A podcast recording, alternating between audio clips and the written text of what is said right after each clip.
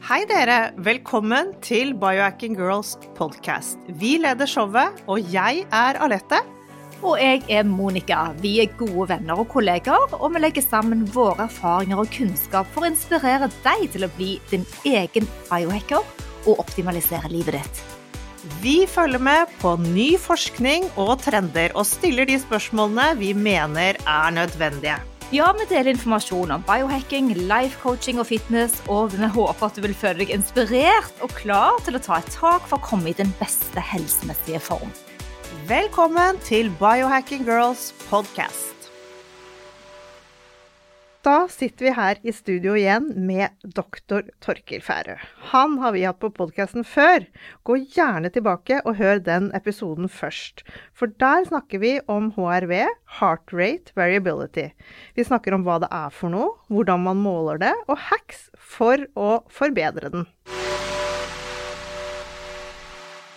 I dag vil vi ta et dypdykk i den nye boken til doktor Torkil. Den heter Pulskuren og er ute i disse dager. Undertittelen er helt konge. Så bedre, yt mer og lev lenger. Ja takk. Velkommen til oss, Torkil. Tusen takk. Hvordan har du det akkurat nå? Jeg har det veldig bra. Det har jeg. Jeg har det stort sett eh, veldig bra. Kanskje har det ekstra veldig bra. Så det Hvordan er HRV-en din i dag? HRV-en var litt dårligere enn vanlig, fordi at i går kveld så var jeg på et sånt seminar eh, i anledning at Johan Brun, fotografen som felte Hjallis, ville vært eh, 100 år. Han døde i fjor. Så det var et sånt tre, tre timers seminar på kvelden.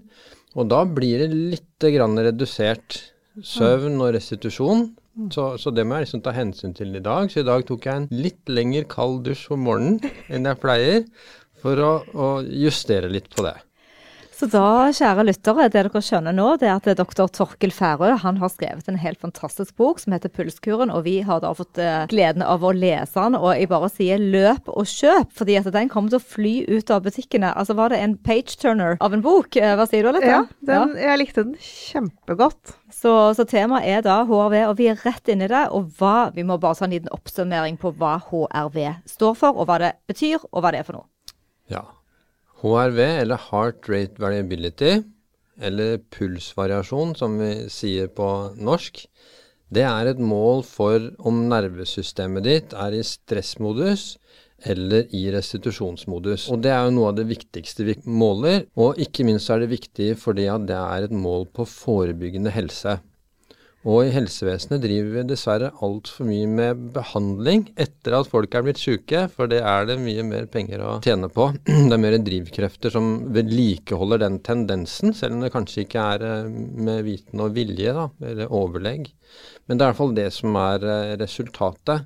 Så her har vi et mål hvor folk selv kan klare å holde orden på stressnivået sitt, eh, slik at de kan unngå å bli syke.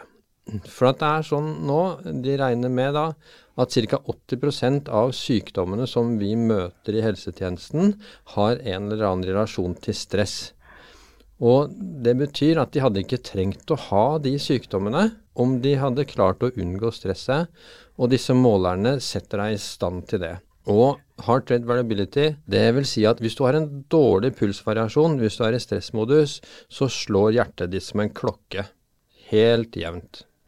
Men hvis du er i avslappet modus, eh, restitusjonsmodus, som kroppen trenger for å bygge seg opp igjen etter anstrengelser, så øker raske pulsen på når du puster inn for å utnytte at lungene er fulle av oksygen, og så slapper den av på utpust for å spare seg litt grann, eh, når lungene likevel har mindre oksygen i seg. Og denne lille besparelsen selvfølgelig betyr jo ikke så mye fra ett til det neste hjerteslag, men liksom over 10 000 hjerteslag og år og osv., så, videre, så utgjør det hele forskjellen. og når vi er i dette restitusjonsmoduset, så er det på en måte et signal til kroppen om å sette i gang restitusjonen. Så det er som en bryter om at nå skal vi reparere det som kan ha vært av belastning i løpet av dagen. Da. Mm. Men du uh, jobber jo som lege. Det jeg lurer på da, Bruker du dette aktivt i, uh, når du skal hjelpe dine pasienter? Får du de til å måle HRV? Ja, altså nå er det som regel sånn at hvis jeg da ser at de har den klokka på armen, ja. uh, eller en eller annen variant av pulsklokke, om det er Garmin eller noe andre, så, så hender det da at jeg spør dem hvis problemstillingen kan tenkes å ha noe med dette her å gjøre, så, så ber dem gjerne om å spørre dem vet du noe om hva klokka viser. Mm. Da vet de som regel ikke det, for de har ikke satt seg så mye inn i det. Men da kan vi gå inn på mobilen og se litt på stressnivåene, og ofte så vil vi finne noen svar der. Eh, både svar på kanskje hvorfor de er slitne, og hvilke ting som sliter dem ut. Men også kanskje vel så viktig hvorvidt de er restituert til å begynne å jobbe igjen, f.eks. Har de kommet seg til sykdommen eller ikke? Så, så, her er det mye svar eh, leger kan lese ut av uh, disse dataene. Da. Vi synes det er veldig interessant å se på stilen din. Du har uh, ja, nå ser jeg tre ringer på hendene dine. Du har to klokker.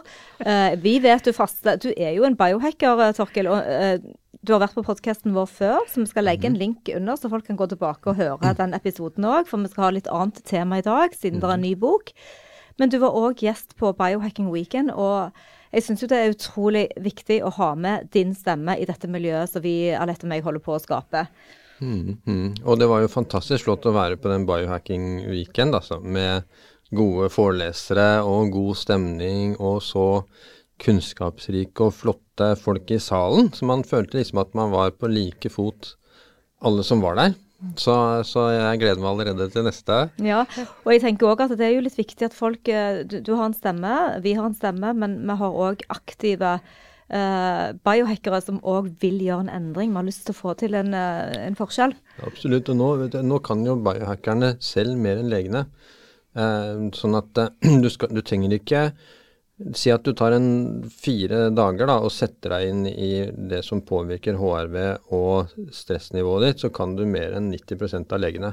Så det tror jeg ikke skal ta deg mer enn fire dager. Og jeg tror nok at de aller fleste som var på den biohacker-kongressen, vet mer om dette enn fastlegene sine. Ja.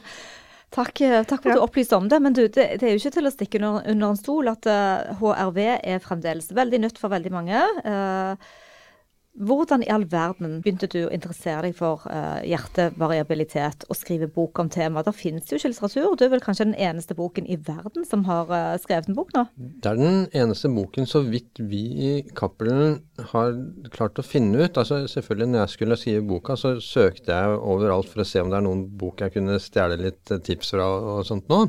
Og det fant jeg ikke. sånn at det fins ikke noen av denne typen guidebok til hvordan skal du ved hjelp av pulsvariasjon optimalisere funksjonen din, det har i hvert fall ikke jeg klart å finne ut. Og hvis noen finner ut, så må de gjerne tipse meg om det, altså.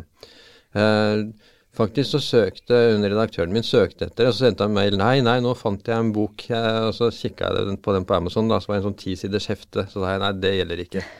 det er ikke en bok. Sånn at um, Ja, det blir som en artikkel på nett, for det finnes det masse av. ja. Og og det er litt tilfeldigheter, eh, egentlig, at det er jeg som har endt opp med å skrive denne boka. For det er jo nesten utrolig at en sånn øh, si, løsarbeiderlege som meg, som egentlig en, jobber frilans hele tiden for å kunne drive med masse annet også, øh, skriver den. Men det var sånn at jeg, vi er ute og seilte i Stillehavet med båten vår. Vi hadde seilt fra Vi hadde seilt halve jorda rundt. Eh, sånn at, og da lå jeg i en hengekøye og leste en bok av Bessel van der Kolk om traumer. En bok som heter 'Kroppen holder regnskap'. En utmerket, fantastisk bok. Og der leste jeg for første gang om at psykiatrien i USA i en stor grad bruker heart rate variability for å vurdere tilstanden, den mentale tilstanden til pasientene sine, og hvorvidt behandlingen virker eller ikke. Så det var første gang jeg hørte om det, altså i 2019, så tre år siden. Sånn at jeg skal ikke drive og løfte pekefingeren mot eh, alle legene som ikke vet det. Du må følge med, eh, på en måte. Og hvis du leser bøker som bare er fem eller ti år gamle, så kan de allerede være utdatert. Så fort skjer utviklingen nå. Vel, uansett så lærte jeg da om heart rate variability, at det fantes. Og på en messe i forbindelse med at jeg skulle presentere Kamerakuren, den forrige boka mi, så kom jeg over en, en person eh, som jeg samarbeidet med, som driver overskudd.no, eh, og som hadde en måler som målte denne heart rate variability. Og da skjønte jeg jo med en gang at dette var verdifullt, så jeg tok jo det til meg med en gang og gikk med den måleren hver dag i halvannet år. Eh, og målte min egen heart rate variability og fikk jo overraskelse på overraskelse um, kontinuerlig, nærmest, gjennom halvannet år. Eh, så nervesystemet mitt var overhodet ikke som jeg hadde forestilt meg, da. Fortell hva du fant, da. Vi er nysgjerrige. Ja, ja jeg fant jo først at, at, at, at um, jeg er nok blant de som har lett tennbare nervesystemer. Altså jeg er veldig ivrig på ting, jeg holder på med mye rart. Eh, sånn der, og, men jeg er aldri negativt stressa. Så jeg holder alltid på med ting jeg liker, og er i prinsippet aldri negativt stresset av den typen fight, flight og freeze som vi leger er kjent med denne sympatiske delen av nervesystemet for. Så dermed så tenkte jeg at jeg må jo da, siden jeg aldri er negativt stressa, så må jeg befinne meg i parasympatisk modus alltid, jeg da. Jeg hadde ikke hørt om noe annet. Sånn at når jeg så at det var røde tall over hele linja, eh, og, og, gikk en slags konstant eh, overbelastning, så ble jeg jo overrasket, da. Eh, og etter hvert så klarte jeg å identifisere hva det var som eh, belasta, og, og, det var f.eks. snus, eh, det var sene måltider, tunge måltider, eh, ultraprosessert mat, godterier. Eh, varme, dårlig søvn. Um, alkohol hadde jeg sluttet med allerede da, um, men etter hvert som jeg begynte å teste det, så skjønte jeg at det var smart at jeg hadde slutta med det. For alkohol er jo superstress. Det er jo flytende stress på en måte på flaske. Så uh, det er ikke bare 14% alkohol, det er sikkert 80% stress, holdt jeg på å si. så dermed så fant jeg ut en del sånne energityver eh, som tok fra min prestasjonsevne, da. Etter hvert som jeg klarte å luke ut eh, mer og mer av dem, så, så er jeg mer nå i håper si, kontinuerlig godt nivå, da. Mm. Fordi at eh, jeg har ikke tid til dårlige dager. Jeg, jeg, jeg, det jeg driver med, ønsker jeg å gjøre med full konsentrasjon og full kapasitet. Da. Så jeg tenker nesten litt som en idrettsutøver som, som må holde systemet mitt optimalt for å gjøre det jeg vil gjøre, da, selv om ikke det har noe med idrett å gjøre. Men jeg ser jo også at for, for vanlige folk, for de aller fleste, så vil, selv om ikke de trenger å være så nøye på det som meg, så vil det bare med å ha en større grad av bevissthet om det, ha utrolig mye å tjene på på en måte å gå fra 0 til 20-30 på en måte, i forhold til 0 til kanskje 80 som jeg er, så er kanskje Kasper Ruud på 100, da, hvis man skulle si det mm. noe sånt, da. Ja, Det er veldig kult og veldig inspirerende at du faktisk er så flink til å også bruke det i hverdagen din. For det er jo det samme vi også jobber med hele tiden. Mm. Det er veldig, veldig kult. Justeringer. Ja. Justeringene mm. som uh, Ja. Små justeringer på flere områder er også bedre enn masse justering på ett. Sånn at hvis du f.eks. holder på massevis med kost og er supernøye mm. på kost, og så neglisjerer du kanskje trening eller hvile eller søvn, mm så er det ikke sikkert det hjelper deg. Da kunne, kan det lønne seg heller å gjøre en litt innsats på de andre. Ja. Men du kan vi ikke snakke litt om stress òg, som en av de viktigste årsakene til hjerte- og karsykdommer. Og da, i denne forbindelse, så vil jo HRV være veldig en fin markør for å kunne faktisk avlese eller gjøre noe med en hjertehelseproblematikk i mhm. forkant, mm Mm, som du snakket om. Hva, for Du sier da at du, du, hadde et stress, men det var mer påført i form av mat eller uh, du har ikke en sånn indre stress eller uro Nei, på den måten? Jeg ja. kan nok bli stressa av f.eks. å holde foredrag eller å gjøre ting som krever konsentrasjon, gir en viss grad av stress. Og det skal vi ha, for det er bare et tegn på at kroppen din er mobilisert til å gjøre sitt beste under foredraget eller podkasten eller hva det skal være. Så det stresset, det skal vi ha, um, og er uh, veldig nyttig, da. Eh, men jeg fant ut at det som stresser mest, det er skjult. Og det viser også undersøkelsene til eh, First Beat, som driver algoritmene til Garmin, at det du opplever som stress, har ikke så mye å si på det stresset som måles. Og det er fordi at hvis du blir spurt om er du stressa, så ville du ikke svart at ja, jeg er stressa fordi jeg spiste tre pizzastykker, eller at jeg er stressa fordi at jeg sov litt dårlig, du, du vil ikke tenke på det som stress, men det er faktisk disse tingene som, som tapper mest energi, da, faktisk. Men det å gå og bekymre seg da, eller ha uro eller angst Det er ikke nødvendigvis at det slår ut så mye på, Interessant. på stressnivåene. Det var egentlig litt godt å høre. Ja. Mhm. ja. Det kan gjøre det, men ikke nødvendigvis. Så at det er flere Vi har jo hatt en sånn testgruppe gående med 200 stykker, og der er det mange som er overrasket over hvor, hvor lite som de blir stresset av og ubehag. Så et ubehag, en smertetilstand, eh, hjernetåke, depressive følelser, er ikke nødvendigvis noe som trigger stressnivået. Det kan tvert imot gjøre at folk er veldig lavt. Så at generelt så er jo de som er deprimerte, dypt deprimerte, har et lavt stressnivå, og ikke et høyt stressnivå. Aha. Men du nevnte disse testpersonene, fordi Mm. det syns jeg er veldig fint hvordan du har lagt inn deres uh, historier gjennom boken din. Men Mm. hvordan valgte du ut disse personene?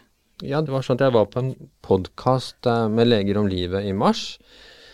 Og i den forbindelse så sa jeg at jeg holdt på å skrive en bok, at jeg gjerne skulle ha noen folk som kunne være med å lese manus og gi meg liksom innspill på om fungerte dette eller ikke, ikke sant, um, og som kunne teste ut og bruke Garmin-klokkene. Um, og så tenkte jeg at jeg kanskje fikk med meg en 10-15-20 stykker.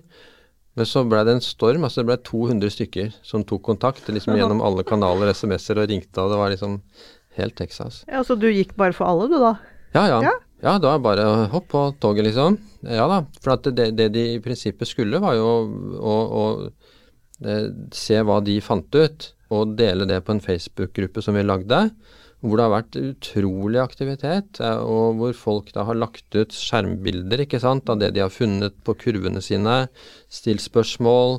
Hvis de har funnet ut noe, så har de sagt f.eks.: Ja, nå fant jeg ut at bedre HRV-en min mye. Har dere også disse erfaringene? Ikke sant? Det sånn, så Plutselig så var det mange som testa ut det, og så fant jo da noen ut at ja, de hadde bedring, andre fant ut at nei, de hadde ikke bedring.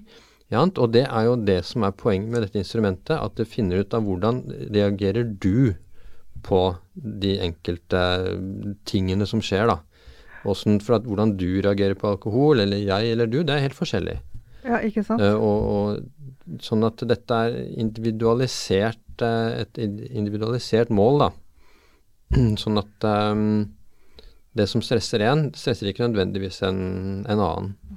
Men før vi går dypere inn i boken, kunne vi ikke bare snakke litt om hvordan man måler? Vi har så vidt vært innom, fordi at uh, jeg er sikker på at mange som lytter til podkasten da, ikke enten har en Aura-ring eller har en Garmin-klokke. Men kan ikke du få snakke litt om forskjellige måter man kan måle HRV? Og er det noen som er billigere, enklere varianter? Apper og sånn? Ja. Jeg har jo f.eks. brukt eh, hovedsakelig fem forskjellige målere. Jeg, sånn som nå har jeg på meg Whoop-bånd. Whoop er de som er på en måte mest framoverlent i markedet. Det De som Ronaldo bruker, ikke sant, som masse idrettsutøvere bruker for å finne ut hvor, i hvilken grad er de restituert for å trene. Og de samler inn informasjon fra brukerne sine, så de sitter på masse informasjon om hva som hjelper restitusjon, og, og hva som stresser. De har en veldig god podkast, masse å lære av å følge med på deres eh, podkast. Og så har jeg en Ora-ring som um, måler eh, HRV. Det er også veldig fint hvis man f.eks. har Si at man har en Apple Watch-klokke som ikke er så god på HRV, eh, men likevel vil ha HRV, så kan man bruke en ring, så at ikke man ser ut som man går med to klokker og sånt. Ehm, så Oraringen er spesielt god på søvnvurdering, så det er veldig viktig. Og så er det, Men det som er best på markedet, det er Garmin, som har brukt algoritmen til Firstbeat, som de har kjøpt opp eh, på en måte mm, det, den delen av firmaet som lager disse algoritmene, og som måler stressnivået gjennom hele dagen, slik at du klarer å identifisere hva er det som stresser. For da skjønner du at det er det pizzastykket som gjorde at du hadde dårlig pulsvariasjon, og ikke den treningen som du kanskje trodde det var. Og så har jeg brukt eh, noen mer avanserte EKG-målere fra overskudd. Men overskudd, hvis man går inn og laster ned overskuddsappen på mobilen, så vil du også kunne helt gratis ta en fingermåling hvor du bruker lommelykta på kamera på mobilen med kamera og kobler det sammen, og så vil du få et tall. På det. Så det kan man faktisk eh, måle mm, bare man har en mobil. Da. Er den gratis, eller? Den er gratis. Ja. Mm. Og så har du den uh, HRV for training. HRV for training HRV. kan man også ha. Ja. Som koster vel ikke noe særlig. Heller, 150 kroner 150 kroner eller noe sånt. Også, Så det finnes mulighet for folk. Ja, og på dette markedet her så er det en rivende utvikling. Um, så um, og, og har allerede kommet eh, mye til Norge um, av disse verktøyene. Men fremfor alt hvis man hører på podkaster f.eks. fra USA eller England, så er jo HRV er en selvfølgelig del av vokabularet. Ja, absolutt. man vet hva det er. Man skal se at Eh. iPhone neste år kommer med en HRV-måler. Bare Gjør det, ja? Nei, jeg bare tenker det. Ja, ja, det kan du fort gjøre. Vi kan, mm. vi kan tenke at det skjer, kanskje. Ja. Har Apple Watchen Den HRV? har, den har en HRV, men den, den er ikke så Den vil fortelle deg litt om hva den er over natta, da. Ja. Men de har ikke så Og det fins ikke så gode apper for det på Apple Watchen, som jeg fant i hvert fall. Nei. Jeg har nei, prøvd nei. den og prøvd Polar, men endte opp med Garmin, for den var det jeg fant ut fungerte best. da. Ja, Torkel, nå har jo du overtalt meg til å teste en Garmin, og da har jeg kjøpt en sånn eh, armbåndvariant. Den tynneste og ja, kanskje den billigste, jeg vet ikke, men den funker jo superbra. Jeg har bare hatt den nå en ukes tid, kanskje to, og jeg ser jo tydelig da det de ehm, eh, indikasjoner på rest, da, som er hvile. Det skjer når jeg enten selvfølgelig sover, eller når jeg tar en kald dusj. Jeg har sett det på nevrofeedback. Og jeg har vel kanskje sett det på red light, men jeg er ikke helt sikker på om det er fordi jeg leser bok når jeg har red light, eller om det Ikke sant? Ikke sant? Mest sannsynlig fordi du leser bok. Oh, ja. Det vil jeg tro, for Ja. at jeg bruker også Red Ja. Light om morgenen gjerne, sånn kvarter. ja. Um, men det, det har ikke så mye forskjell, og kanskje heller at det stresser på, kanskje litt pga. varmen. Nettopp. Så, og, og det illustrerer egentlig noe som er et godt poeng, at du bør gjøre én ting av gangen. Ja. For da vet du ikke hvilken ting som virker. At nå vet ikke du om det er boka eller Red Light som virker, så da må, må du når, når jeg da eksperimenterer, så må jeg da separere det. Ikke sant, for å finne ut det. Sånn at, um, så, sånn at f.eks. etter at du har spist et tungt måltid, så nytter det ikke å teste noe annet. For da er hele fysiologien opptatt med fordøyelsen av det. Sånn at det jeg har funnet ut, er at det er best å så faste f.eks. fram til tolv, og så kan jeg inn i den perioden, hvis jeg vil lyst til å teste et eller annet, så kan jeg legge det inn der. For da har jeg en slags sånn flat baseline, og så kan jeg teste én og én ting på den jeg, flate kurven. Da. Mm. Og så ser jeg det òg på måltid, og dette vet jo vi Alette og meg òg, for vi ser det på O-ringen. men forskjellen på Garmin er at du får liksom hele tiden eh, døgnet rundt 24 timer i døgnet måling. Så sent måltid, et glass vin, eller faktisk mer karbohydrater. Når, når jeg trapper ned på car carbs og spiser mer eh, keto, da, mer proteiner og mer fett, da er den mer stabil. Så nå har jeg gjort noen testinger. Og den fas- fasten, som du sier. Men kald dusj, det er en innertier. Helst på morgenen, da, ikke på kvelden. Ja, ikke på kvelden. For at kald dusj på morgenen, den setter i hvert fall meg i, i restitusjonsmodus i kanskje et par-tre timer. Eh, men hvis jeg tar det på kvelden, fant jeg ut, så får jeg en slags rebound-effekt som skaper stress på natta. Men det klarte jeg å utligne med å ta en varm dusj før jeg legger meg, da. Å Det ja. kunne, jeg, kunne jeg gjøre. Men jeg lurer på én konkret ting. Hvis du, eh, for det, Jeg må bare si da, Alette òg, at denne Garmin-klokken måler noe som heter body battery, som da er på en måte HRV-en. Og da kan jeg merke at hvis jeg da våkner opp og har hatt lite eh, restitusjon, altså lavere body battery, har du noen gode heks, bortsett fra den kalde dusjen, da? Kan jeg reparere det i løpet av dagen? Har du noen gode tips der? Ja, du kan legge inn du, Hvis du er oppmerksom på det, så kan du legge inn korte pustepauser f.eks. Så at mellom to ting du gjør, istedenfor å sjekke VG eller et eller annet, Ja. så kan du sette deg helt rolig ned. Ta to minutter med rolig pust, gjerne fire sekunder på innpust, seks sekunder på utpust. Um, og så tar du kanskje fem eller ti sånne pust innimellom. Da vil du klare å, å roe ned. Det er én ting du kan gjøre. Og kanskje kan du liksom luke ut noen ting. Du hadde kanskje tenkt å ta den handlerunden i dag, men da dropper du den. Kanskje du til og med tar en powernap eh, sånn i, i et to-tida, liksom. Sånn da, og hvis du ser at nei, det er ikke noe rom for å endre programmet, ok, men da må jeg ta det inn dagen etter, eller, eller dagen etter der igjen. Vi tåler fint flere dager med fullt trøkk, så jeg kan godt ta et fotokurs, eh, jeg, som jeg holder med full fyring på en måte dag ut av hele tiden, men det må jeg da kompensere for i ettertid. Så det er jo ikke uten grunn, tenker jeg, at alle religioner har en hviledag. Og det var nok ikke fordi de hadde lyst til å slappe av, men det var nok fordi at de skjønte at dette er mest effektivt. At ikke, hvis vi ikke legger inn den hviledagen, så, så taper vi på det, på en måte. Men dette skal vi hoppe inn i boken litt? Grann. Ja, vi gjør det. Vi likte den veldig godt. Ja, ja. lett å lese, lett å forstå, lett å følge med på. Og du fikk lyst til å være med på reisen. Og du legger jo opp boken faktisk som en ekspedisjon, en reise, som er veldig kult. Kan ikke du forklare hvorfor du har gjort det sånn? Ja, først så tenkte jeg på boken som en reise i ditt eget nervesystem. Men så etter hvert så tenkte jeg at det er mer som en ekspedisjon. Mm. For det er mer som står på spill, og det kreves mer for å lykkes å nå målet. Så det er mer å sammenligne med en ekspedisjon enn en reise som du liksom kan dra ned til Gran Canaria eller dra på en pakketur og kan ta litt på sparket. Så hvorvidt du lykkes med en ekspedisjon, avhenger av forberedelsene. Mm. Dermed så er den første ca. halvparten av boken, tenker jeg, dreier seg om hvordan nervesystemet fungerer, hvordan kroppen fungerer, hvordan målerne fungerer osv. Hva slags helsesykdommer som vi sliter med i dag i forhold til fra gamle dager. Hvordan kroppene våre er tilpasset si, urtidens måte å ha det på, og ikke vår tid.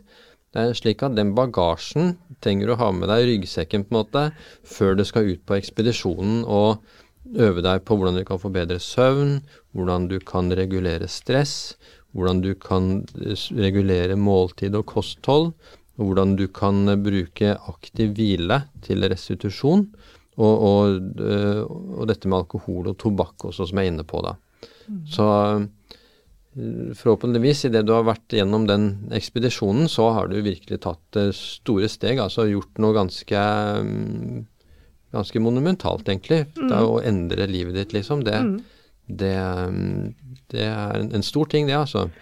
Og, og, men det er jo selvfølgelig mye lettere når du har disse målerne som et slags kompass. Ja. Du må rett og slett finne retningen og hvis ikke du vet hvilken retning du går, så hjelper det jo ikke uansett hvilken vei du går, på en måte. Så det blir som å være på sånn polekspedisjon, og så har du ikke noe kart eller kompass. Da er det ikke noe vits å begynne å gå. Ja, for det er jo den første halvdelen av boken. Eh, mm. Veldig bra. Man, man, blir jo bare inspirert til å, å bli med, men det, det, er klart det er en mental reise som du, du skal faktisk gjennom dette her. Mm. Men så begynner jo da selve ekspedisjonen. Mm. Og da begynner du med at man bør ta en tur til legen og ta en en del prøver før ja, man fall, starter. Ja, ikke nødvendigvis. Ikke nødvendigvis. Det, det, er mest hvis du får på måleren, ja. og så skjønner du at her er det noe gærent. Her, her er det noe gærent, ikke sant. Og så klarer du kanskje å, å, justere på det, og si at ok, ja, nå prøver jeg første trinn, jeg fant ut at når jeg sover bedre, så er jeg, er jeg der jeg skal være. Mm. Men hvis du ser at ok, du begynner å gjøre ting, men likevel så ser du at nervesystemet ikke klarer å komme i god nok balanse, da.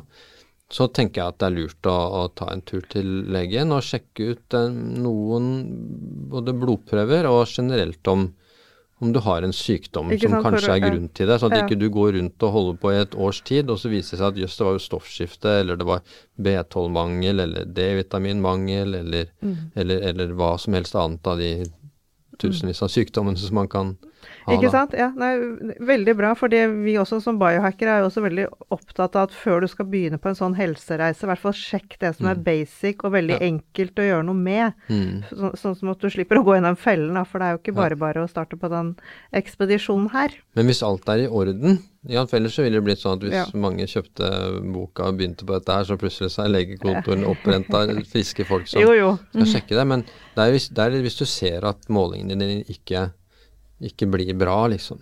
Mm. Men type allergier eller en, eh, ja, en inflammasjon, en kronisk inflammasjon, det vil òg kunne leses på HRV? Mm. Hvis du har en matintoleranse eller som det, ikke er oppdaget? Det vil jeg nok tro vil, vil vise seg eh, på HRV-en. Um, ja, og det kan, det kan, også være at visse medisiner mm. gjør det. Mm. Så du kan godt, hvis du går gjennom medisinlista, så ser du kanskje at en av bivirkningene er eh, takykardi eller at det er eller sånn for rask puls, da, f.eks. Um, ehm, så, så kan det være at uh, For det har vi sett flere tilfeller på i den gruppa som jeg snakker om.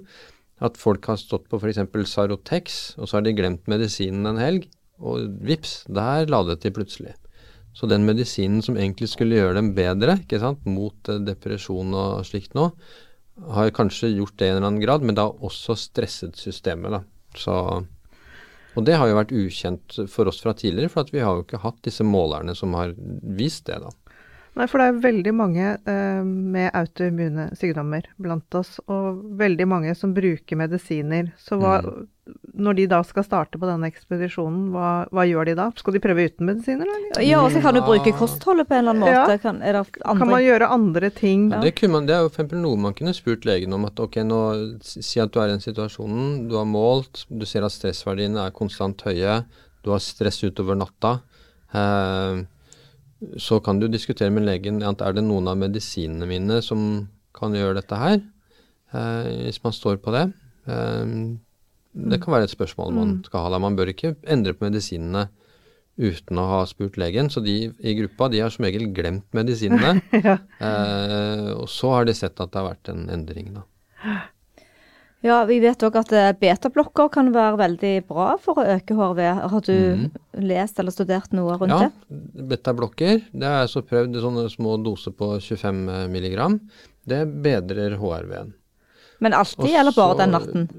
Bare det døgnet. Så det er gjerne sånne ja. depottabletter som, som, mm. som, virker eh, slippes ut eh, jevnlig gjennom et døgn. Da. Så hvordan ville du hacke det hvis du skulle teste det ut?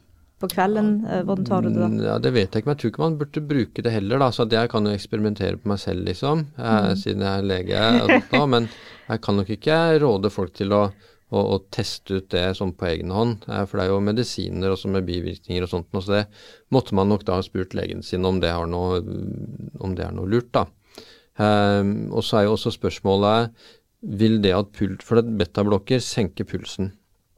Og, og dermed så er det lettere for lav puls og en bedre pulsvariasjon. Og så er spørsmålet er det skjuler det et problem, eller løser det et problem? Riktig. Det vet du jo ikke. Jeg har prøvd også å google det, det fins jo ingenting på det. Sånn at eh, Jeg vil tippe skjuler. Test, ja, det er ikke sikkert heller. Nei. fordi at hvis problemet er en overfyring av adrenalin, og så virker betablokkere, ja. demper jo effekten av adrenalin, så skal man ikke se bort fra at det kan roe ned et stress, stresset system. Ja, altså så det er ikke for, utenkelig. Nei, det er ikke utenkelig. For dr. Stephen Hussey, som har skrevet den ja. boken 'Understanding the Heart', han snakker jo akkurat om dette med betablokker i det tilfellet at det faktisk roer ned. Mm. Uh, at det kan ha en gunstig effekt. Mm. Men, uh, men, som du sier, snakk med legen din. Mm. Videre så er vi òg litt nysgjerrig på dette med kolesterol. Det er veldig mange som går på statiner, da. Mm. Har du sett noen målinger der opp mot den type medisin? Nei, det har jeg ikke undersøkt noe eller hørt noe om. Og de, og de flesteparten som er i den testgruppa, er nok yngre. Det har nok vært eh, sånn 40 minus, eh, holdt på å si under det, som har vært i gruppa. Så det har nok ikke vært i den Nei. kjernegruppa av kolesterol, som som regel er et av tegnene som gjør at det blir livsstilssykdommer, ikke sant. Når du har dårlig metabolsk balanse, da, ja. Når du har insulinresistens og etter hvert metabolsk syndrom, så er det noe som baller på seg gradvis. Og ofte fra, først fra 50-årene osv. Så, videre, så ser man at de må legge til blodtrykksmedisiner, de må ha kolesterolmedisiner, de må ha diabetesmedisiner, kanskje et par-tre stykker. Og så får de kanskje noe betennelse på magesekken, og så må de ha Somac eller Nexium, og så så sitter de med en sånn cocktail da, av, av, eh, medisiner mot eh, det som egentlig er livsstilsrelaterte sykdommer. Mm. Og det er jo der jeg mener at helsevesenet gjør en stor feil med å, å ikke hjelpe dem til å endre på livsstilen, slik at de kan unngå både å få de sykdommene og de medisinene som vi medisinerer med for å dempe det mm. lite grann. Mm. Det er jo ikke sånn at eh, de blir kurert for det. Tvert imot, de må stå på disse medisinene kanskje i 30 år. De fleste står vel på det resten av livet? Når resten de først har begynt, så kommer ja, de så baller det på seg. Ja, så ender de opp kanskje som 70-75-åringer med ja. kanskje opptil 8-10 medisiner. Ja. Mm. ja. du snakket jo om det. Vi er inspirert av asiatiske land som eh, driver med vedlikehold eh, isteden, og forebygging framfor å reparere. Så det er helt mm. klart at det er for vi, har ikke, ja, for vi har ikke råd til, altså vi har ikke råd til, eller tid til, eller personell til å behandle alle de som det ser ut til at eh, disse livsstilssykdommene blir jo bare mer og mer, og så kommer eldrebølgen. Så helsevesenet er sjanseløst på å, å, å løse det problemet uten forebyggende medisin, tenker jeg da. Så hva tenker du skal til for å få en endring? Vi er jo bare så optimistiske, meg og Alette, at vi skal få til en helserevolusjon. Vi jobber liksom på så krampa tar oss her. Hva skal til, tror du? Jeg tror det kommer til å gå ganske fort, jeg. Jeg tror, jeg tror Å, Gud, så veldig mange å høre. jeg tror, Ja, men jeg tror at når, når Jeg tror at eh, når disse mm, Denne måten å klare å regulere stressnivået sitt på, når det blir kjent at det er mulig, så vil i hvert fall de som tenker at det har jeg lyst til å gjøre, vite om det. Eh, og så er det nok en ganske mange av pasientene, vil jeg mistenke, som vil holde for ørene og heller fortsette sånn som de holder på. Det vil nok mange gjøre. sånn at i den gruppa som har meldt interesse eh, for eh, å være med i den gruppa f.eks., og som sikkert hører på deres podkast, så er jo det de som har en tendens til overbelastning, tendens til å gjøre for mye eh, og bli utbrent. Mens de som jeg ser mest på legekontoret, som det er flest av, de er jo de som ikke engang er påtent. Sant? De som, de som ikke kommer seg ut av sofaen, de som gjør for lite, de som belaster seg for lite. Eh, så det er jo det, det som nesten er, er vanligere, da. Eh, og det er ikke sikkert at de kommer til å gripe denne sjansen. Men de som har tendens til å overbelaste seg, de kommer til å gripe sjansen. Og griper allerede sjansen. Og det er ganske viktig, for dette er de mest produktive folka vi har. Så det at de ender opp liksom i veggen med fatigue og utbrenthet og ME osv., det er utrolig uheldig. Både fordi at de blir syke, men også fordi at vi mister de potensielt beste folka våre, da. I samfunnet, ja. Ja. Men vi, vi har jo en del lyttere da som er ja, godt opp i 20-årene, som er så takknemlige for at de er med på en helsereise nå, istedenfor å komme opp i 50-årene og begynne å reparere. Mm, sånn som meg. sånn som så, så oss alle. ja. Men, eh, men eh, du nevnte da vi snakket sammen her forleden, eh, vi hadde en prat, så snakket du om eh, verstingene innenfor HRV. Jeg tror du nevnte Whoop som en kilde på det. Whoop i sin siste avsluttende for året-podkast, så oppsummerer de, og så forteller de om de tre største stressordene for, for eh, fysiologien vår. Og nummer tre var sykdom. Nummer to var høyde over havet. Altså, Helt utrolig. Og, og nummer én var alkohol, åpenbart. da. Um, og, og høyde, da er det ikke snakk om at de som lever på den høyden, for de er jo akklimatisert, men det å bevege seg fra, fra lavnivå da, og så være på ferie liksom i Og det er sikkert litt høyere i USA, er det sikkert litt snakk om høyere høyder i Denver og Aspen og osv. Um, men allerede i på et av webinarene vi hadde, så var det en eh, av disse testpersonene som um, fortalte at nå skjønte hun ingenting. For her hadde hun gjort akkurat det samme, ingen forskjell, men vips så var restitusjonen kjempedårlig. Og vi diskuterte og klødde oss i huet, og etter hvert så sa hun at hm, men jeg er på fjellet. Jeg er på 1100 meter. Og aha, der var det. Ikke sant. Og det er også noen i gruppa som har reagert på at det, blir, at det er mye stress på fly. Ja. Og fly har jo trykkabinen gjør at du ligger på 2000 meters høyde. Så det gjør også at, at man blir stressa. Men man blir heller ikke nødvendigvis stressa, og det viser verdien av disse målerne. Fordi at en som eh, jeg kjenner, når hun er på fly, så er hun roligere. Og det har nok med å gjøre at det er ikke så mye valg. Hun som vanligvis eh, har masse ting på gang, må sitte stille uten stimuli, og har ikke noe valg, og det roer henne ned på fly da. Ikke sant? Sånn at det viser at dette er individualisert medisin, at dette viser hvordan, er det, hvordan virker det på deg. For det hjelper ikke å vite hvordan virker det på gjennomsnittet, som er det vi vanligvis går ut fra i medisin. Vi får vite at jo resultatet av denne, dette studiet var at mm, gjennomsnittlig så reagerte folk sånn, men det hjelper jo ikke deg, fordi at du kunne jo vært i hvilken som helst ende av den effekten. Mm. Um, så, så det tror jeg kanskje er en av de største fordelene på, med disse målingene. Ja, det er bare superinteressant. Men også tilbake til boken, så begynner vi på ekspedisjonen. Vi må Mm. komme oss gjennom boken her nå. Mhm, mhm. Og da har du disse etappene dine. Ja. Kan ikke du gå litt inn i de, og hvorfor begynner du med søvn som første etappe? Begynner med søvn først, fordi at det er det aller viktigste. Og også kanskje noe av det enkleste å starte med. Sånn at idet du har god søvn, så har du også mer krefter til å gyve løs på de neste. Så det første med god søvn er jo gjerne å klare å roe ned de siste par timene før du sover. Sånn at du kanskje skal legge inn f.eks. å lese en bok, hvis du vil det, høre på lydbok. Um, kanskje så blir du roligere av å se på TV, noen blir det, men mange i den testgruppa har reagert på at det blir de stressa av. Så det er ikke bra, dem sier de, å se en Netflix-serie før de skal legge seg. Det, det, mens det kan berolige en annen, da. Så finne ut hva som roer ned deg før mm. søvn. Gjerne bruk en blue blocking glasses, det bruker jeg. Jeg bruker sånne som blokkerer 30% altså du ser ikke så godt at de, er, de ser ikke oransje ut, så jeg kan ha de på legevakt uten å se ut som en klovn og sånt noe. Um, så det kan være nyttig. Og det å legge seg til samme tid hver dag, så godt som mulig. Det gjør at nervesystemet er forberedt og lettere kommer inn i de riktige søvnfasene. Så hvis du har mye skiftarbeid, sånn som jeg dessverre har, da, med nattevakter osv., så, videre, så så kan søvnen bli litt redusert bare pga. det. Mm. Hvordan takler du det? Hva, hva gjør du? som en biohacker? Mm, ja, nei, det er nok bare ekstra nøye på det. Og så må jeg tillate da at det blir noen dårlige dager. Og så tar ofte sånn som etter f.eks. et par nattevakter som jeg hadde nå denne uka her, så fikk jeg en sånn hyperrestitusjon før gårsdagen. Så da tar den igjen litt, men den kan ikke ta igjen fire-fem dagers dårlig søvn. Men den kan nok hente inn litt på et par dagers mm. søvn da. Så, og så justerer jeg det med lys.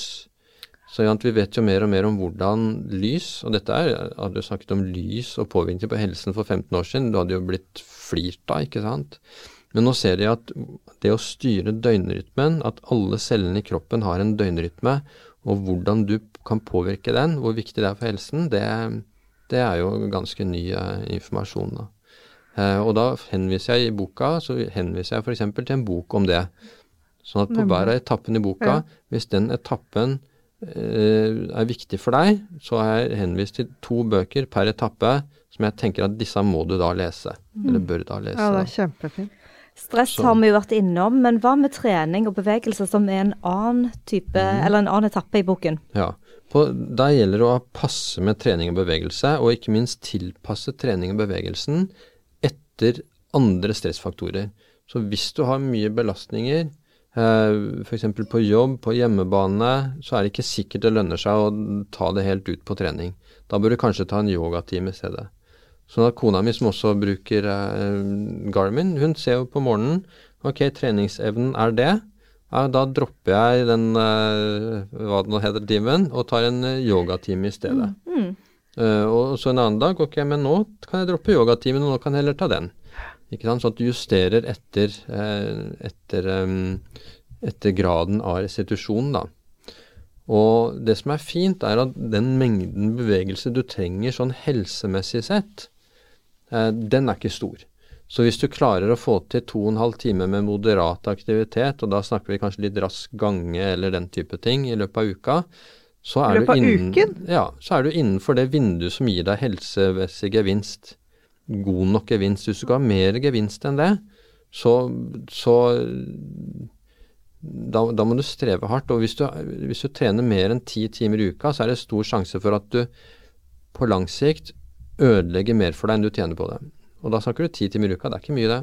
Det er mange som trener mer enn det. Eh, og da kan det gå veldig utover eh, hjertet, med forkalkninger i hjerte og blodårer. For vi er ikke lagd for å bevege oss så mye og trene så hardt.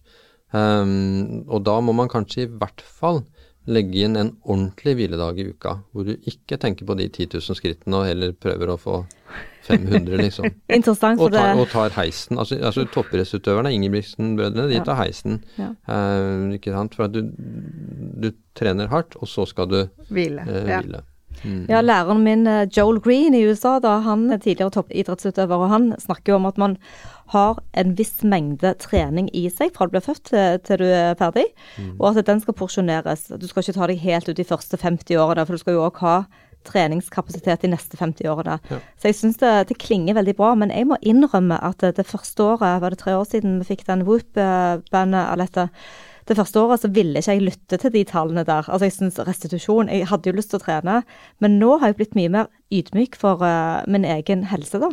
Mm. Så nå kan jeg faktisk OK, se på tallene. Er jeg under uh, ja, 60-70, så da tar jeg ikke treningen. Da går jeg kanskje en tur, så jeg er blitt mye flinkere. Ja. Selv om jeg er liksom født som at jeg har lyst til å trene hver dag og. Og da blir du bedre.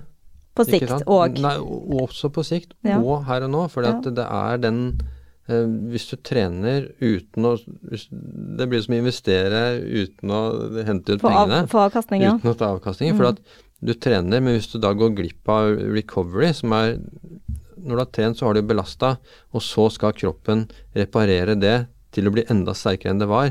Men hvis du da går på neste belastning, så får du ikke den jobben gjort. Så du, du, du taper bare på det. Det er helt unyttig. Men det tok meg et år minst å bare godta det. Mm. Og nå praktiserer jeg det, så det, mm. nå er det ikke så vanskelig. Men jeg må svelge en kamel, for jeg har vært vant til å trene fem-seks dager i uken. Og nå er jeg mm. nede i kanskje tre gode økter i uken. Tre-fire. Ja. Og, og, det er nok ideelt.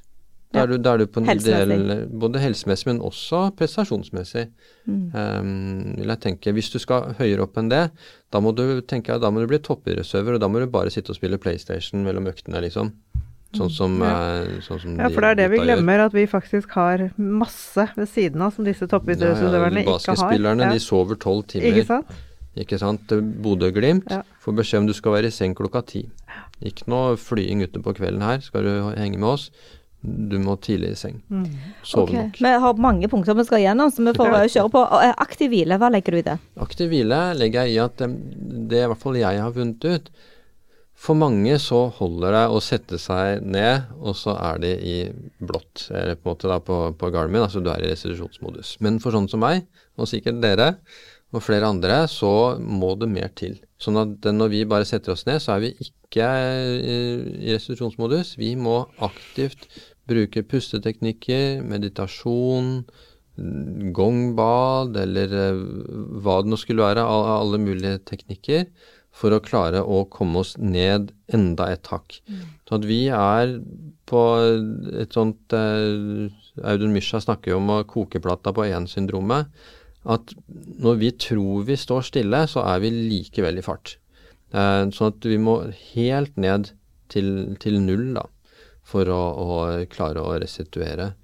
Og da må i hvert fall jeg bruke meditasjon, pusteteknikker eh, og slike ting for å, å mm. kompensere for det jeg har holdt på med i løpet av dagen. Da. Mm. Så det er det du mener med det er ikke du mener når aktivt hvile, det er aktivt å gå inn for å hvile, ja. ikke det at man skal være aktiv. Ja, Det holder ikke ja. bare å nei. slippe bremsen, nei. nei. slippe gassen, du må tråkke inn bremsen. Mm.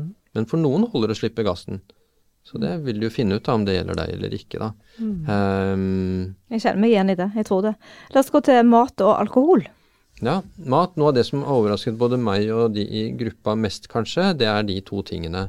Det er hvor mye måltider og kosten påvirker stressnivået. Både hvor lenge du spiser, Altså Det som vi gjør nå, har jo masse gode podkaster av Satchit eh, Panda mm. og andre som forteller at i USA f.eks. så spiser folk, fordøyelsessystemet er på jobb, nesten 16 timer i døgnet. Ja, er det ikke sånn at de har noen tolv måltider gjennomsnittlig i løpet av et døgn? Ja, spiser masse, masse mellommåltider ja. som, eh, som, næringsmiddel- og matindustrien har prøvd å presse gjennom for å få solgt mer mm. ting, og som vi sier ja, det er sikkert riktig.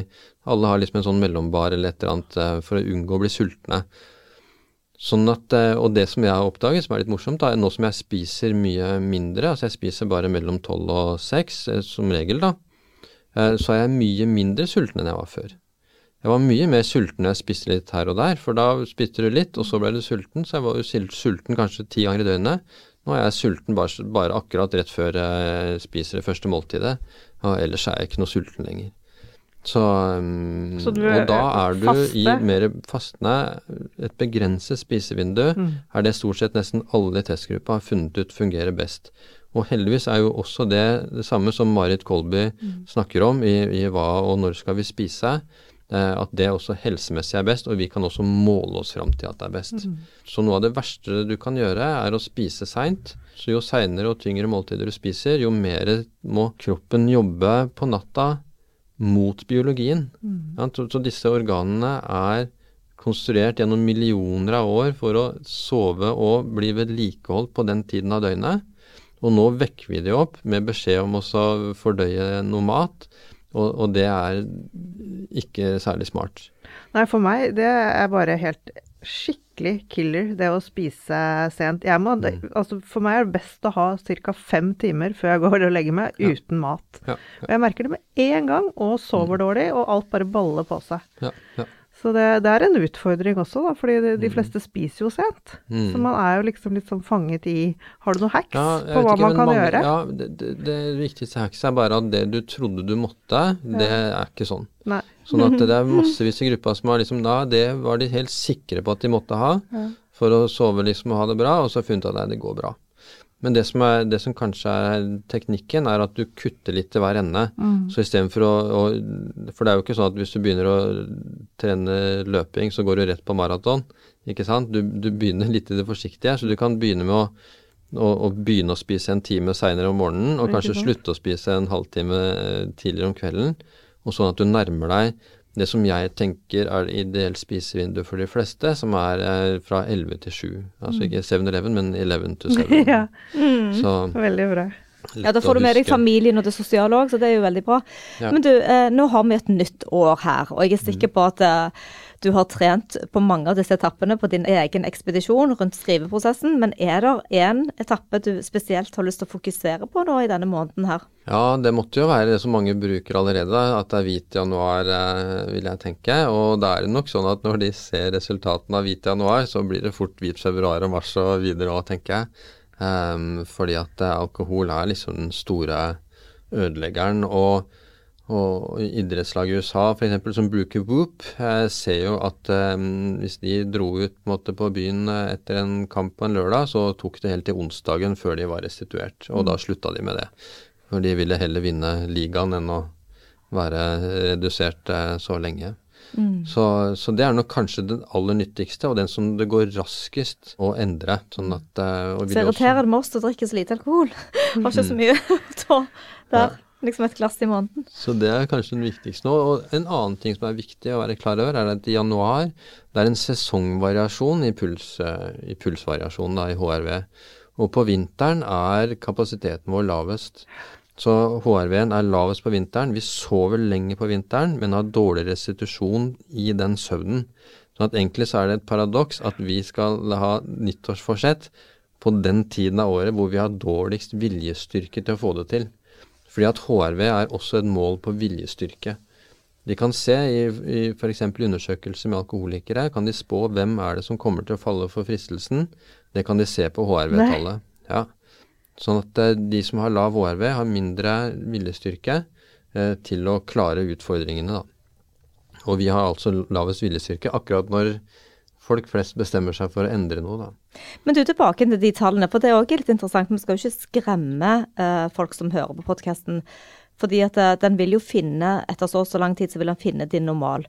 Og jeg har en lavere HRV enn det Alette har, men jeg har veldig bra score. Fordi at den er ganske høy i forhold til at den er lav, hvis du skjønner. Så innenfor min range. Jeg tenker Hvis du har lave tall der, og folk blir litt stresset av det, så er det jo kanskje viktig å tenke på at dette er individuelt for hver og en. Ja. Ja. Så to med helt ulik eh, helse, to med helt lik helse kan ha ulike HRV-verdier. Så du må gå ut ifra din HRV-verdi, og ikke sammenligne deg så mye med andre, da. Så, eh, og det vil jo de tallene du får f.eks. på Garmin og Ora og Whoop, vil jo gi et tall på readiness og recovery, hvor egentlig ikke du trenger å nevne HRV-tallet, men de vil finne ut hvor, hvordan er du i for, forhold til din skala. Sånn at um, For jeg må si at det, er mye mer optimistisk for meg på Garmin og på den eh, eh, HRV for training. Da har jeg veldig god score. Mens på Aura så er den lavere, men den er jeg håper å si, du ligger mellom 10-20 eh, på skalaen din, da. mm, Så, så, ja, så ligger den kanskje midt på treet der. Så man, jeg bare tenker at man skal ikke få dårlig selvfølelse av dette heller, for det er jo noe som skal jobbe med deg, ikke mot deg. mm, ja. Og, og så må man være tålmodig. Det kan ta lang tid å, å, å snu, og det, du skal bare ha det godt nok. Man trenger ikke å gjøre det perfekt. Så det viktigste er den 20% innsatsen som gir 80 eh, effekt ja, Paretos prinsipp, ikke sant? at med 20% innsats vil du få 80% effekt. Og for å få ut de siste 20, så må du ta 80 innsats. ikke sant? Så er du Kasper Ruud, så må du gjøre den jobben. Mens vi andre, vi kan egentlig være veldig fornøyd med å gjøre den 20% innsatsen, hvor vi får ut det meste av effekten av det, da. Har du da sett at din HRV har blitt bedre med alle disse tiltakene? Ja, ja. Det har jeg sett, og ikke minst at jeg har mer kontroll over det, og at jeg merker deg selv, at jeg har, at jeg har bedre kapasitet da. Før så hendte det, eh, nå skjer det jo bare etter hvis jeg har tatt og fest og drukket noe alkohol en dag, at jeg liksom blir trøtt og må, liksom, må legge meg for at jeg er sliten. Mm. Um, men før så måtte jeg nok det ofte. Mm. At jeg måtte legge meg ned på sofaen. Jeg orket ikke et eller annet. Men nå skjer det ikke at ikke jeg orker noe. Um, jeg kan gjøre det jeg vil hele helt til jeg skal legge meg, på en måte. Jeg er ikke begrenset av kreftene mine, da. Mm. Mm. Overvekt er et annet problem hvis mm. man sliter med vekt. Mm. Kan du lese det opp på HV? Ja, det skal i hvert fall Nå er ikke det så lett å vise den testgruppa og sånt nå. Eh, men det har en sammenheng i undersøkelser, så ser de at med overvekt så vil HRV-en være dårligere. Og det er jo klart at, at hvis du er overvektig, så vil det jo kreve mye mer, da. Mm. Altså hjertet må hele tiden ja, jobbe mye mer. Ljomer. Ja, du har både inflammasjon, ikke sant, pga. overvekten. Eh, og hjertet må jobbe mye hardere. Før så jeg veide jo 20 kg mer. Jeg pleier å vise fram Jeg vist dere det bildet av meg? Nei. Nei det må jeg, nei. Det deler vi på Insta etterpå. Jeg bruker jo Cappelen også i reklamene. For at for ti år siden, temmelig nøyaktig ti år siden, så veide jeg jo 20 kg mer. Wow. Eh, ja, og, og, folk kjenner meg jo ikke igjen. Ikke sant? Og folk, når jeg viser bildet til folk, så, så står de sånn Å, hva De vet ikke helt hva de skal si, liksom. Skal de si at jeg så ikke så helt bra ut, eller hva skal de si? Så jeg bare flirer, selvfølgelig. Og, men i hvert fall så da veide jeg 20 kg for mye. Jeg trente ingenting. Jeg hadde lest at den tiden du bruker på trening er bare den tiden du lever lenger, så det er jo ikke noe vits i, liksom. Men det var jo selvfølgelig bare tull. og, og, og, drakk jo stort sett eh, to glass vin hver dag. Det hadde jeg jo lest var bra, ikke sant, med 14 enheter i uka. Uh, og så videre. Sov dårlig, gjorde jo alt feil. Og det ser man på en måte på det bildet at Eh, jeg ser, ikke, jeg, jeg, ser ut som pasientene mine, da, for å si det sånn. da. Mm. Så, så um, jeg vet ikke hvordan det hadde gått hvis ikke jeg hadde endret uh, livsstil da for uh, en ni år siden er det vel nå, da, hvor jeg gjorde den store endringen. da. Så hadde nok jeg endt opp med de samme sykdommene som jeg behandler folk for. da. Du hadde mm. nok det. Ja, ja. Så det var godt at du gikk inn på HRV-banen mm. din og har skrevet denne fantastiske boken 'Pulskuren'. Mm. Og, og det, som, det, som, vi også vil prøve også, er at vi har hatt denne gruppa gående på Facebook, men nå har vi oppretta et sted som heter pulskuren.no. Så hvis folk kjøper boka og tenker at her trenger jeg også hjelp, jeg trenger å vise kurvene mine, få tilbakemeldinger, få svar på spørsmål, være med på et sted hvor det er webinarer og workshoper online, så er pulskuren.no den, eh, den, er eh, lansert, og der er det mulig. Nå er den jo selvfølgelig i sin begynnelse, så den vil jo bli bedre og bedre etter hvert med flere og flere tilbud. Men bare det at man kan legge ut kurvene sine og få innspill og, og, og sånt, det har vært en utrolig verdi altså for de i den testgruppa. Ja, det er kjempebra. Da kan man skape et lite nettverk ja. der. altså folk. Det skal vi òg legge inn på notatene under her. Men vi har jo, er vi ferdige med etappene? Jeg tror vi har én igjen. Har vi? Ja, tobakk og snus og sånn. Ja, ja, tobakk Det har du litt jo, erfaring med, ja. ja det, har det, har, jeg erfaring med. Jeg har erfaring både med tobakk og snus. Ja, så, Så det holder. Så jeg pleide å røyke i hvert fall 20 om dagen i, i, i Så herlig. I 6-7-8 år. Eh, kanskje i ti år at jeg røyka såpass. Og etter det så slutta jeg å røyke, og så begynte jeg å snuse. Ja. Så snuste jeg jo fra jeg sto opp til jeg la meg. Um, og Ja, Så du tok han ut på natten, altså? Ja, ikke alltid. det hendte vel at, jeg, at den var inne der på natta. Eh, men det som jeg da så når jeg begynte å måle, var at det var, den gjorde at jeg ikke kunne lese av noe annet. For det var så stressende at det gjorde at, eh, at eh, alt av det jeg testa ut, ikke ga noe resultat, for det stressa meg masse. Altså det overskygget alt annet? Overskygget alt annet. Så, så, Til og med alkoholen? Mm, nei, da drakk jeg ikke alkohol nei, eh, når nei. jeg testa ut. Nei, nei, skjønner. Faktisk. Eh. Så, men, men, men eh, stressa ut alt annet, og det ser vi også i gruppa, at folk har slutta å snuse, og pulsen går ned, hvilepulsen fra 70 til 60 og sånt noe. Så, og det ser vi jo nå mer og mer, at snus f.eks. nedsetter sædkvalitet og, og nedsetter masse funksjoner. Og sædkvalitet for øvrig er jo et slags lett tellbart mål på tilstanden i cellene dine, da. Ikke sant. Så når den går ned og blir dårligere, så er jo det på en måte en slags eh, kanarifugl på at resten av cellene dine har det ikke så bra, de heller. Um, så Mm, de snakker sammen.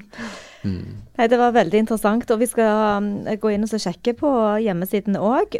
boken er ute. og Hvor kan vi finne deg, eh, Torkel? Vi vet jo det, men del med oss. Ja, nå har jeg omsider kommet på Instagram. Litt sånn klønete å lære litt hver dag eh, foreløpig. Men der er jeg på Doktor Torker, og der legger jeg hver dag ut, i hvert fall så stort sett når jeg kan, så legger jeg ut den kurven min fra dagen før. eh, med litt, hvor jeg forteller litt om hva jeg har gjort og sånt nå. Det er i hvert fall noen som syns er nyttig, noen syns det bare er rart Ja, nei, det er eh, gøy. også. Jeg gleder meg til hver dag. Eh, og så skal, jeg- og så skal jeg legge ut videoer med, med tips og, og forskjellig der, da. Så der er jeg også helt i begynnelsen, så, så um, Ja, det er bra. Og så har du, um, du har hjemmeside, og Mhm. så fortsetter du med kanskje, for du er jo òg fotograf og dokumentarskaper. Mhm. Ja. Fortsetter du med kurs? Er det, uh, Ja da, vi holder fotokurs. Eh, Ja. Vi skal ha et fotokurs i, i mars, eh, eller i april, i påsken. Vi får se om nok folk melder seg på. Men det er å gå over Sicilia på en sånn gammel pilegrimstur, hvor vi går og fotograferer i en uke. Eh, Slike kurs har vi hatt før, eh, flere av. Men det har vært litt kort varsel nå. Sånn at um, Hvor mange må bli med på en sånn tur? ja, For at det skal bli noe av, må nok bli seks, eh, Ja. seks stykker med, liksom. Så, men vi kommer til å ha fotokurs, så det er kairosworkshops.com. Jeg har arrangert fotokurs eh, siden 2009, i, i over 60 fotokurs i 11 land er det vel etter hvert. Så, um, og mye av den erfaringen vil du finne i boka med Kamerakuren, da, som er eh, forrige, forrige boka. Så nå tenker jeg at jeg har på en måte to barn. Nå har jeg liksom Kamerakuren er blitt tre år, og så snart, eh, eller nå er jo da akkurat nyfødt eh, Pulskuren, så da må jeg liksom passe litt på dem, da. Ja, Ja. det må Ja, det. altså, vi tror at det kommer en bok til ganske snart. For dette, Alette og jeg har snakket om, om alle disse supplementene. For vi testet jo uh, glysin som har virket, og magnesium som har virket, og litt forskjellige ting som påvirker vår HRV eller generelle søvnbilde. da. Men det får bli en annen bok og en annen podkast, tenker jeg. Med mindre du har et lite sluttord når det gjelder supplementer. Nei, altså det vi har funnet ut, som flere grupper har funnet ut, det er i hvert fall magnesium på kvelden. Så tar jeg da 700 milligram. Det ser ut, syns jeg ser ut til å ha hjulpet på, på kvelden. Ja. Så der har man litt å gå på, jeg har skjønt, på, på dosen. Så det, det, det skal gå fint. Og, og B12 er det mange som har hatt nytte av i gruppa, og der ser det ut som verdiene som er, hjelper deg på HRV-en, er høyere enn det som liksom er nedre grense for når man vanligvis behandler. Da. Så at det er tydeligvis mer å, å gå på på høyere verdi på B12. Ja, Min ligger på 800-850, og den mm. er jo innenfor rundt 300, så det er veldig lavt. eh, Mm. Sier du òg det, som lege? Ja. Bra. Så ja, det er jo litt supplementer, men ellers er det jo Det som er både bra og problemet med det som hjelper, er at det er gratis. Det er til og med billigere. Sånn at å faste er billigere. Det er billigere at det er kaldt, og kaldt vann. Det er billigere å bevege seg istedenfor å ta tog og, og trikk. Eh, ikke sant? Det er billigere å ta pusteteknikker og ta en hvil enn en, um, det meste annet. Det er billigere å drikke vann enn å drikke alkohol eller brus, ikke sant. Men problemet er jo også at dermed er det ikke noe kommersielt trykk for å, å bruke det. Så det er nesten som man skulle ønske at det kosta penger, så hadde folk kjøpt det. Ikke sant? Og folk reklamert for det. Um, så, em, så det er kanskje noe av grunnen til at de, disse tingene ikke er like benytta, som, som folk flest vil heller ha tabletter, på en måte. da. Sånn at um, som, Eller som, som koster noe. Så, um, så det er fordelen altså til alt som hjelper. Alt som hjelper, er å leve nærmere det som er naturlig for mennesker, altså no, som menneskedyr, på en måte. Så det som nærmer seg sånn som vi levde for 10 000 år siden og, og før, det gir bedre helse. Da jobber vi på lag med biologien vår, og ikke mot biologien. For når vi jobber mot biologien vår, så, så taper vi. Så, så selv om vi vil det, selv om vi vil ha på lys og jobbe hele døgnet og sove lite og drikke og spise hva vi vil, så, så slår det tilbake. Mm. Dette var nydelig siste ord for i dag. Tusen takk, Tusen takk, eh, Torkil Ja, det er alltid en fornøyelse å snakke med deg. Takk det samme. Mm. Det er veldig artig å være her. Ha en fortsatt fin uke. Ja, Lette. Dette var jo nok en spennende episode med Torkil. Ja, det var det. Det er alltid gøy å prate med han. Og ja, nei, nå er jeg skikkelig pepp. Jeg blir peppa av sånne gjester. Og det beste jeg vet er jo biohackere, som, i hvert fall som kommer ut med bok, så vi kan nå gå ut på denne ekspedisjonen, vi også. Ja, og det å vite mer om HRV-en Mm, din, og hvordan eh, kroppen din responderer på fysisk overbelastning. Ja. Lytte til han. eh, ta de hviledagene når vi må. Vi får jo en reminder, vi to òg. Kjenner du deg litt igjen, av dette? Om jeg kjenner meg igjen, ja. Ja. Treningsnarkoman som jeg er. Ja. Jeg blir jo stressa å ikke få trent. Ja, jeg vet det. Men eh, det slår ikke ut på HRV-en min, akkurat som vi har lært av Torkil. Ja, ikke sant? Det stresset slår ikke ut. Så jeg har jo erfart òg at da eh, den kalde dusjen hjelper. Mm. Eh, og det han sa på podkasten, at eh, det er ikke sikkert at det å bare sitte i ro for oss er en aktiv hvile. Og det Noen Nei, det, ganger det merker jeg ja. veldig. Jeg, jeg må puste. Eller meditere. Ja, jeg har fått, jeg har fått eh, rest på noen ganger på, på gamen ved å bare sitte. Så jeg tenkte hæ, jeg har jo spist middag, hva var det for noe? Å, ja. Men eh, ja. Så, så jeg er litt på utforskningen av akkurat det eh, enn så lenge. Mhm. Men så vet vi òg at det er mange måter å måle HRV på. Det oppsummerte. Torkil veldig fint. Mhm. Sjekk ut kanskje den gratisappen. Um, og vi skal legge linker under på alle de bøkene og de tipsene han kom med. Ja. Men da dere der hjemme, da håper jeg dere fikk nok en inspirerende eh, podkast fra oss, og at dere er takknemlige. Og del gjerne denne med noen du tror trenger å lære litt om sin egen hjertevariabilitet. Happy, biohacking.